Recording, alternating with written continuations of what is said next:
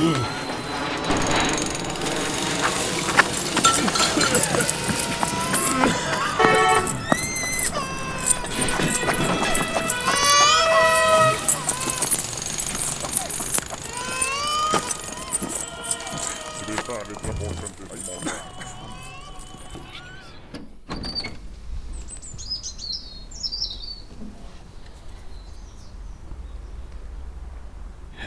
och välkommen till avsnitt 32 utav Podd i Grytan. Jag heter Kevin och min kompis Mikael är inte med idag. Men alla Mikael-fans får eh, mer Mikael i nästa avsnitt helt enkelt. Temat idag är balkongodling och jag har intervjuat en kompis som enligt mig är expert i området. Han beskriver sig själv så här.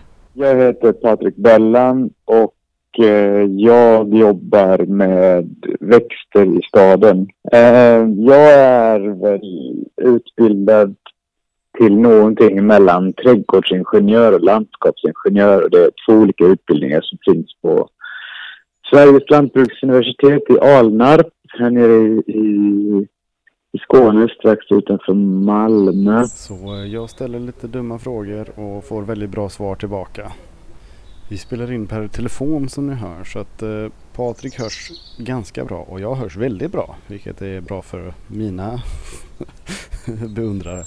Hur som helst så Patrik kan ni följa genom att eh, följa hans eh, Instagramkonto Malmöträd. Eller hans Tumblr som heter Träd i Malmö. Länkar till det finns ju förstås på hemsidan. Och vill man anlita Patrik som konsult så har vi även länkar till det på poddegrytan.se.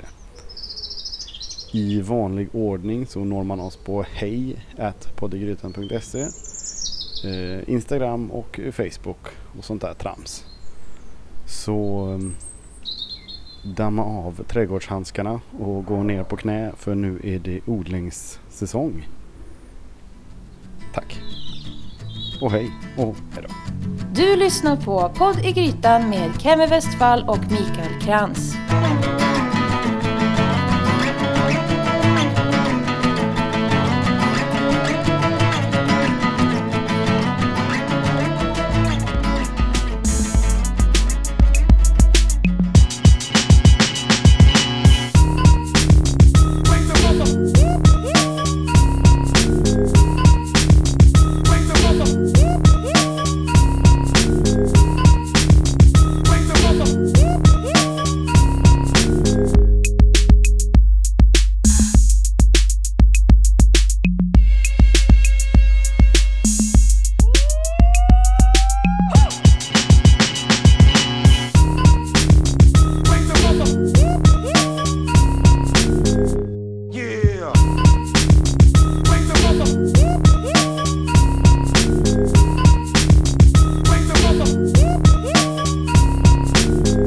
Jag åker runt och talar om för olika kommuner vad de ska plantera hur de ska plantera.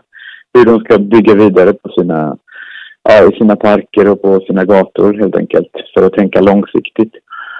Eh, mycket vad gäller biodiversitet och sådana saker. Men ja, så långsiktig hållbarhet. Men ja, också för att kunna liksom tjäna pengar rent eh, eller genom att inte förlora så mycket pengar genom att bygga med ekosystemtjänster. Eh, för att kunna lokalt omhänderta dagvatten och eh, ja, men vara energieffektiva genom att planera, planera och placera växter liksom vid fasader och sånt där. Okej. Det gör jag. Och sen bara rent och skärt så här. Eh, de här växterna ska ni ha på de här platsen på grund av de här ståndortsförutsättningarna. Mm. Och så, så det finns alltså ett, ett ekonomiskt eh, incitament också för, för folk att anlita det? alltså? Absolut. Absolut. Eh, ja, verkligen.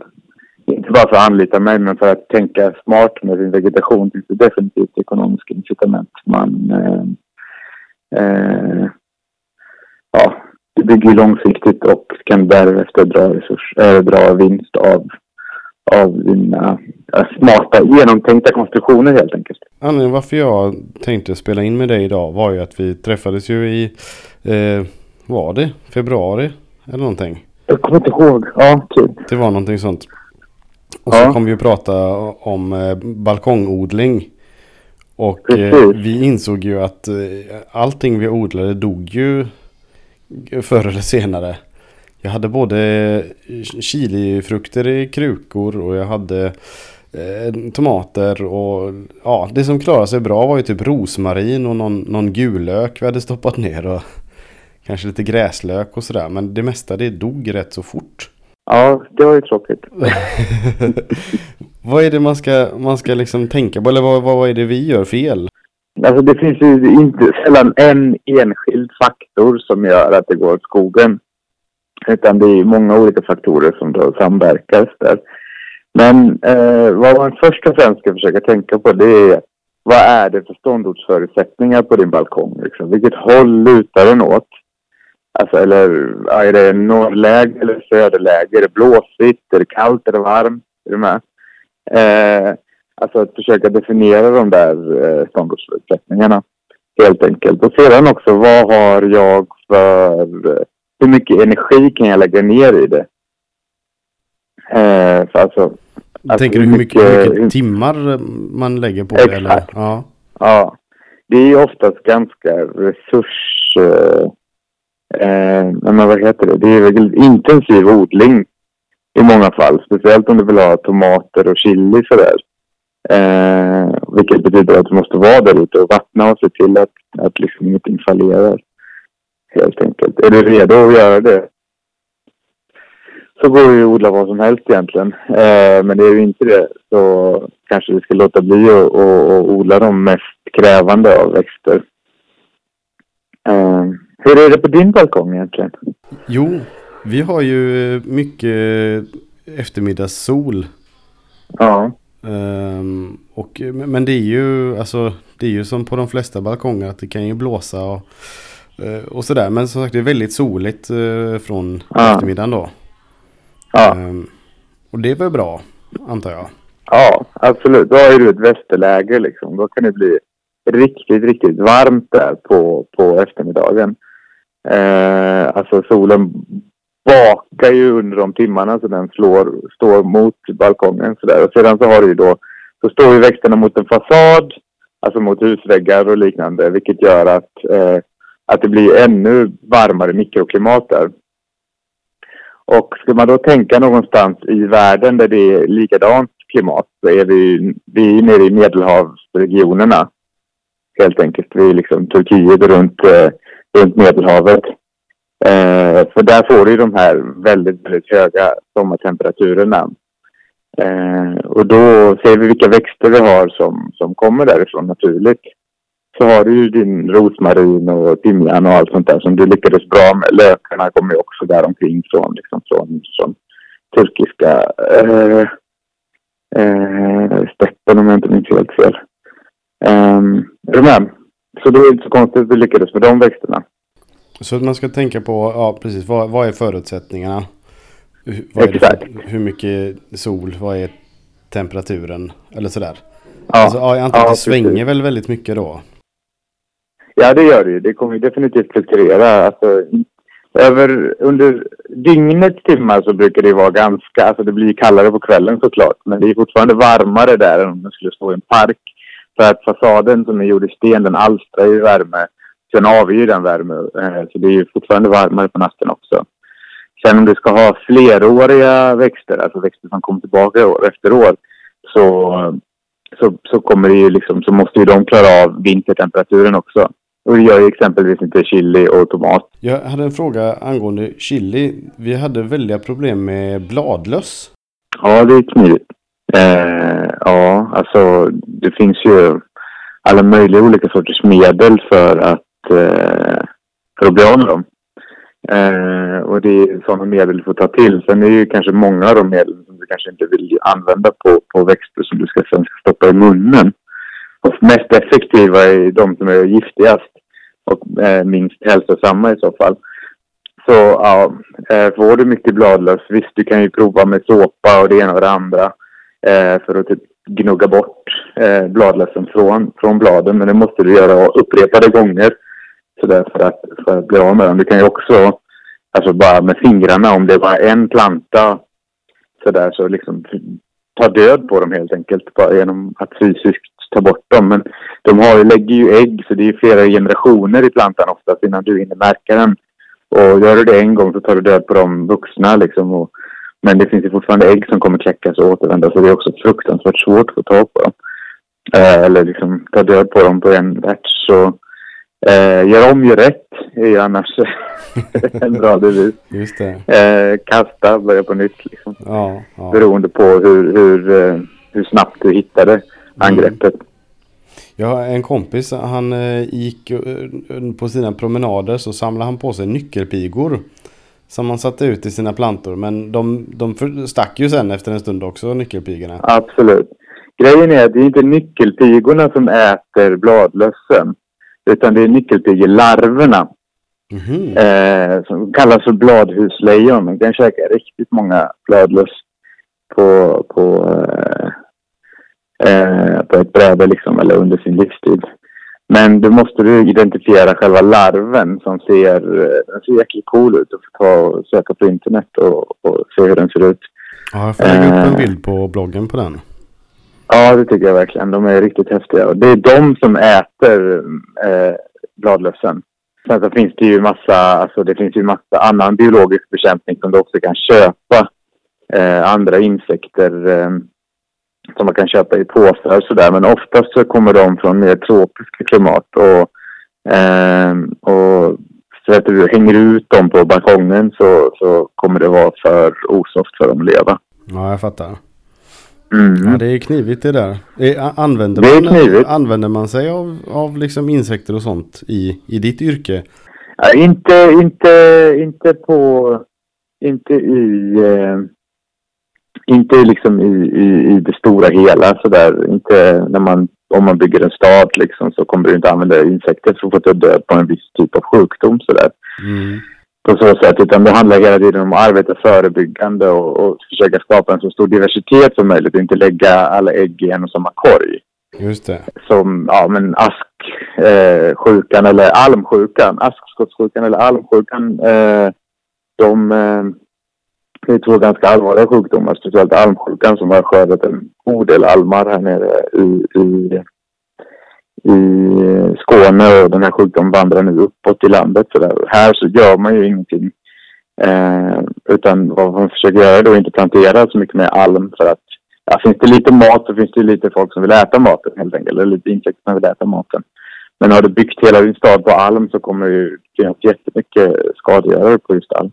Är du med? Ja. Eh, men alltså i, i växthus och liknande så används en god del biologisk bekämpning.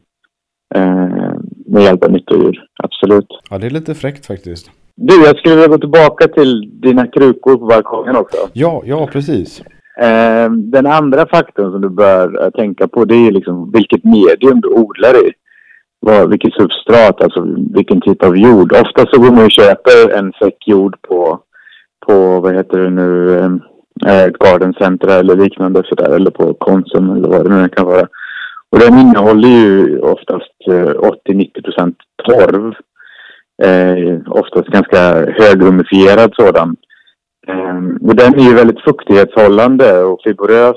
Eh, men den bryts ner väldigt snabbt också. Eh, och när den gör det så blir det liksom ingen jämn, eh, det blir ingen jämn fuktighet. Den blir allting är väldigt blöt och den väldigt torr sådär. Så, så jag vill gärna slå ett slag för att lägga lite extra pengar för att köpa en, en jord som är lite mer, eh, som håller lite längre. Alltså en pimpstensbaserad eller på annan sätt liksom eh, eh, utökad med någon form av lavamaterial eller liknande för att få en bra textur eh, som håller under lång tid. Är det Speciellt de om du som ska har- odla... Förlåt? Är det, är det de som har sådana här äh, små, ja, gråa vita stenar i sig? Ja, till exempel. Precis. Eh, och egentligen skulle du kunna odla rätt upp och ner i de gråa och vita stenarna utan att ha någon form av torv eller lera eller annat igen. Jaha. Det, lekakulor funkar inte för de är helt täta, så de har liksom inga porer. Eh, det handlar om att ha en god eh, fördelning av porer i, i jorden. Alltså både små och stora porer. Eh, lekakulor är dock helt täta så alltså, de bidrar inte med den eh, porositeten. Däremot så gör de här eh, olika vulkaniska materialen det. För de har porer som både kan liksom ta upp vatten och sen släppa ifrån sig vatten när det väl behövs. Eh, sådär. Och de kan hålla betydligt mycket längre så de bryts inte ner och, och, och liksom sjunker ihop och, och ändrar förhållandet av porer i jorden utan de finns ju där hela tiden. Så det är en bra idé också. Så får du liksom en fuktighetshållande jord som kan vara fuktighetshållande betydligt längre. Ja, för det märker jag nu. eh, Vi, vi har ju en, ja, en krage på balkongen. Eh, och den jorden som har legat där sedan förra året, det är ju som, som damm nästan nu. Alltså det är liksom... eh, Ja visst. Eh, ja, det känns ju som att vi kommer behöva byta ut den eller blanda ut den med någonting innan vi börjar odla i den. Exakt. Ja. Sen då är ju de här vulkaniska materialen är ju betydligt dyrare liksom. Men å andra sidan så kan du ju återanvända dem eh, på ett helt annat sätt än vad du gör med den här, eh, det här dammet som du har nu. Ja, precis. det långa loppet. Sen kan man ju diskutera huruvida det är eh, ekologiskt hållbart och, och, och skicka vulkaniskt material över halva jordklotet sådär. Men Mm. det kan man ju diskutera med torven också som är det, ja, nästan uteslutande det. Det odlas i både i, i kommunal, eller vad säger jag, i offentlig och privat sektor liksom. Eh, så där, det, det finns ju säkert massa andra spännande substrat att kunna odla i. Jag menar, många tar ju sitt, sin gamla kaffesump och spär ut i jorden och häller på jorden så därför att det är ju inte för att kaffet innehåller några vidare näringsämnen egentligen, men den är ju strukturskapande. Så då får man de här po- porerna igen. Eh, biokol är jäkligt hett också. Biokol. Eh, biokol, ja. Mhm. Som är restprodukten egentligen från eh, att man, ja, jag kan inte riktigt sen men eh, den är också väldigt, väldigt, eh, Eh, den har en stor mängd porer och kan därför liksom både binda vatten och sedan avge vatten när det behövs. Där. Så det, det är eh, det nya heta som man, man, eh, undersöker mycket nu. Stockholm till exempel har det i nästan alla sina växtbäddar. De planterar nya stora träd i städerna. Då har man i en stor mängd biokol för att eh, boosta på växterna. Men då måste man också se till att, eh, att tillföra extra näring för att det ska bli hållbart. Annars så tar biokolen näringen istället för att eh, ja, avge den. Okej. Vad, vad är det man tillsätter då för näring? Då? Eh, alltså det är ju en, en gödselyva. Eh, oftast så är det ju en NPK-blandning man köper. Eh, som, ja en, ja gud det här var länge sedan jag tänkte på. Långtidsverkande är ganska bra. Blåkorn eller liknande. Någonting som bryts ner under en längre period. Det finns ju också möjlighet att ta vanlig sån där blomnäring som man, som man köper i, i, i butiken. Men den eh, Eh, ofta så är den ganska obalanserad och eh, det gör ju att eh, du får liksom en ansamling av näringssalter, oftast överst eller underst i krukan, vilket gör att det kan till och med vara negativt för ett rotutveckling. Eh, och så är den svår att dosera. Man ska liksom oftast ha en halv tesked per 10 liter vatten eller något sånt där. Hur, stor koll har man på det? Eh, men köper man en långtidsverkande gödsel som sakta, sakta bryts ner så, så löser det sig självt oftast. Nej, jag gjorde det. Jag hade sån här eh, växtnäring på flaska bara som jag hällde i. Men jag, alltså jag, jag hade ingen koll på liksom vad det Nej, jag det är råsvårt. mycket, Det, Utan det är skitsvårt. ja. Jag gjorde en annan grej nu. Jag vet inte om det är bara är, eh, vad ska man säga, önsketänkande eller så. Men vi hade ju eh, förra året vid Halloween hade vi en pumpa ståendes ute på balkongen. Eh, och den pumpan har stått kvar hela vintern. Och sen så har jag nu, liksom när den har tinat upp då, så hade jag liksom fördelat den lite grann och blandat i den här i den kvarvarande jorden. Ja. Och jag, jag får ju för mig att det här, det här är någonting väldigt smart för jag tillsätter näring och sånt där till jorden. Eller är det bara liksom bortkastat? Eller är det liksom någonting man kan göra på det sättet? Eh, ja, alltså det krävs ju en... Alltså det är ju inte växten som bryter ner växtdelarna och eh, omvandlar dem till näring utan det är ju mikroorganismer som gör det.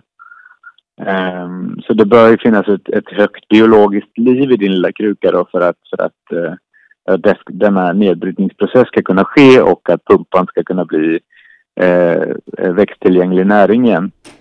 Ja, just det. Precis. Och det är sällan det är det. Vä- vänta lite. vad, vad säger du Edvard? Mamma stängde av labyrint för mig och ville se Men, i bilen. ja men det får du väl göra. Du kan väl eh, sätta dig och, och titta en stund till innan vi åker? Ja, jag kommer spela. Okej. Spela. Ja. Nu ska Edvard spela lite synt här i bakgrunden. Ja, soft. Men eh, vad ska man säga gällande eh, balkongodlingen då? Om vi, om vi skulle försöka så här sammanfatta det i, i liksom, vad vet jag, tre, tre steg du måste ta eller tre grejer du ska tänka på Mm. innan du sätter igång. Vänta, jag får bara flytta på mig lite här. Det är fantastiskt med mikrofon som sitter fast i den här lilla synten. Ja, det var, det var bra köp. Eller hur? Ja. Eh, jo, men, men har du någon sån där, eh, en, en, du vet, folk vill ju ha färdigpaketerade råd och tips. Vad är liksom så här snabbguiden för att lyckas med balkongodlingen? Åh, det finns ingen snabbguide. Okej. Gör inte det. Alltså, se, se ett nederlag som eh, en, en, en, ett läro. En, eh, ja, som även, ja, att du ändå har vunnit kunskap. Eh, så även om du inte lyckas har du lärt dig någonting. Och var där ute ofta. Fixa och trixa. Ehm, ja. Och det blir jäkligt varmt om du har en söder eller västervänd balkong på, på eftermiddagen. Väldigt mycket varmare än vad du tror det blir. Alltså det kan ju lätt gå upp till en 50, eh, 50 grader. Alltså det bakas ju verkligen där ute så då får du se till att ha växter som klarar av det där. Och ah, odlar du liksom eh, resurskrävande gröda som till exempel tomat eller något sånt där som behöver vatten hela tiden så måste du verkligen se till att den får vatten hela tiden för att det ska, så att det ska bli bra. Jag har ju liksom mediterianska ekar på min balkong. Min är också eh, västervänd sådär. Och eh, cypresser från, från västra Nordamerika eller sydvästra Nordamerika. Och de älskar ju det här norvarma sommarklimatet och klarar sig på ganska lite vatten. Men de är ju bara snygga. De får jag ju ingen frukt av liksom. Men det är också en typ av odling sådär, så man kan ju också odla prydnadsväxter. Men då gäller samma sak där, se till att, se till att det är prydnadsväxter från det klimatet där, eh, som råder på din, på din balkong helt enkelt. Just det, just det. Mm. Ja, det låter ju rätt eh, logiskt faktiskt. Ja, absolut. För jag, jag tänkte så i början och jag tror många gör det att man kan ju bara stoppa ner det man är sugen på i jorden och så Ja. växer det. Men Ja, det är ju uppenbarligen inte så. Att, Jo, men det, alltså, det Det- går ju egentligen. Det kan du ju göra. Men sen får du bygga ett växthus runt den där lilla krukan som du har stoppat ett frö i jorden och sen så växer det. För att det ska bli bra liksom. Eh, om, du vill, om du är rätt lat inte vill så här, ödsla allt för mycket resurser. För att det, det mesta av det här lokal, eller inte närodlare, men liksom eh, eh, det som vi odlar Eh, det kräver ju otroligt mycket resurser. Alltså det kräver mycket vatten, mycket näring sådär för att det ska... Så det blir inte så ekologiskt hållbart i det långa loppet även om du gör det själv och det känns som att det är från naturen sådär. Men eh, har du koll på... Har du koll på att... Eh, alltså ståndortsförutsättningarna och använder dig av växter som naturligt klarar de ståndortsförutsättningarna så vinner du väldigt mycket. ja, det, det låter ju som att använda förnuftet lite grann när man Ja, sätter igång med det här. Liksom. Ja, Och, in, och investera i en bra jord.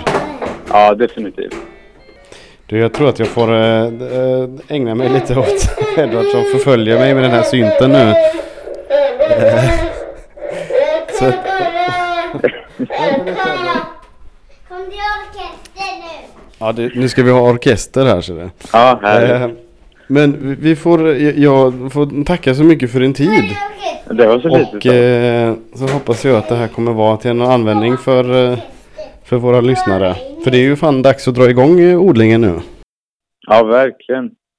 Verkligen, verkligen. Det ska egentligen ha förkultiverats redan på, på, på fönsterbräcket liksom. Fröna, fröna ska vara sådda och plantorna ska liksom ha börjat titta upp. Så det är bara att köra. Eller så åker man till plantskolan och köper några som är, redan har börjat växa. Det kan man också göra.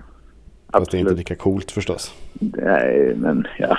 Vem, vem tävlar du mot? Ja, precis. Ja. Helt rätt. Nej men grymt Patrik. Du Ja. förresten, hur, hur kan folk eh, få tag i dig? Har du, jag vet att du har ju ett, ett ganska aktivt Instagramkonto. Mm, flera stycken. Flera stycken ja. ja. Ja det, det är Malmö Eh. träd är det. Ja, precis. Malmö Träd heter mitt ena Instagramkonto. Det, där skriver jag om, eh, om Malmös träd, helt enkelt. Som även är i Göteborgs träd i stor utsträckning, för vi har ju nästan samma mikroklimat. Sådär. Men, mm, så det är väl det bästa. Och sedan så ja, heter jag ju Patrik Bellan, så man kan hitta mig på Instagram så också. Men, eh, ja. Mm. ja. Eller tänker du om de ska höra av sig och fråga frågor, menar du? Ja det kanske, vi kanske inte ska öppna upp det för allmänheten sådär. Då kommer, du, kommer din telefon Eh. ringa dygnet runt. Vad gäller balkongodling så är det nog bättre och eh, odlingen på, på kolonilotten så är det nog bättre att fråga någon som, som jobbar lite mer med det från, på daglig basis. Ska du plantera stora träd i staden kan du, kan du höra av dig till mig. Ja men det låter bra. Men jag gör så att jag, jag, jag länkar upp ditt Instagramkonto om inte annat och så eh, ska vi se om vi kan boosta dina siffror lite. Ja, trevligt. Med mina, med mina fyra lyssnare. Yes. Nu, nu är det kaos här. Nu får vi Ja, avrunda. men lycka till med orkestern. Ja, tack så mycket Patrik. Och vi, vi hörs av. Ja, det gör vi. Ha det fint länge. Ja, ha det gött. Heter Hej, hej. Vad heter du? Vad jag heter? Kevin. Hej. Hej, Kevin. Jag ska.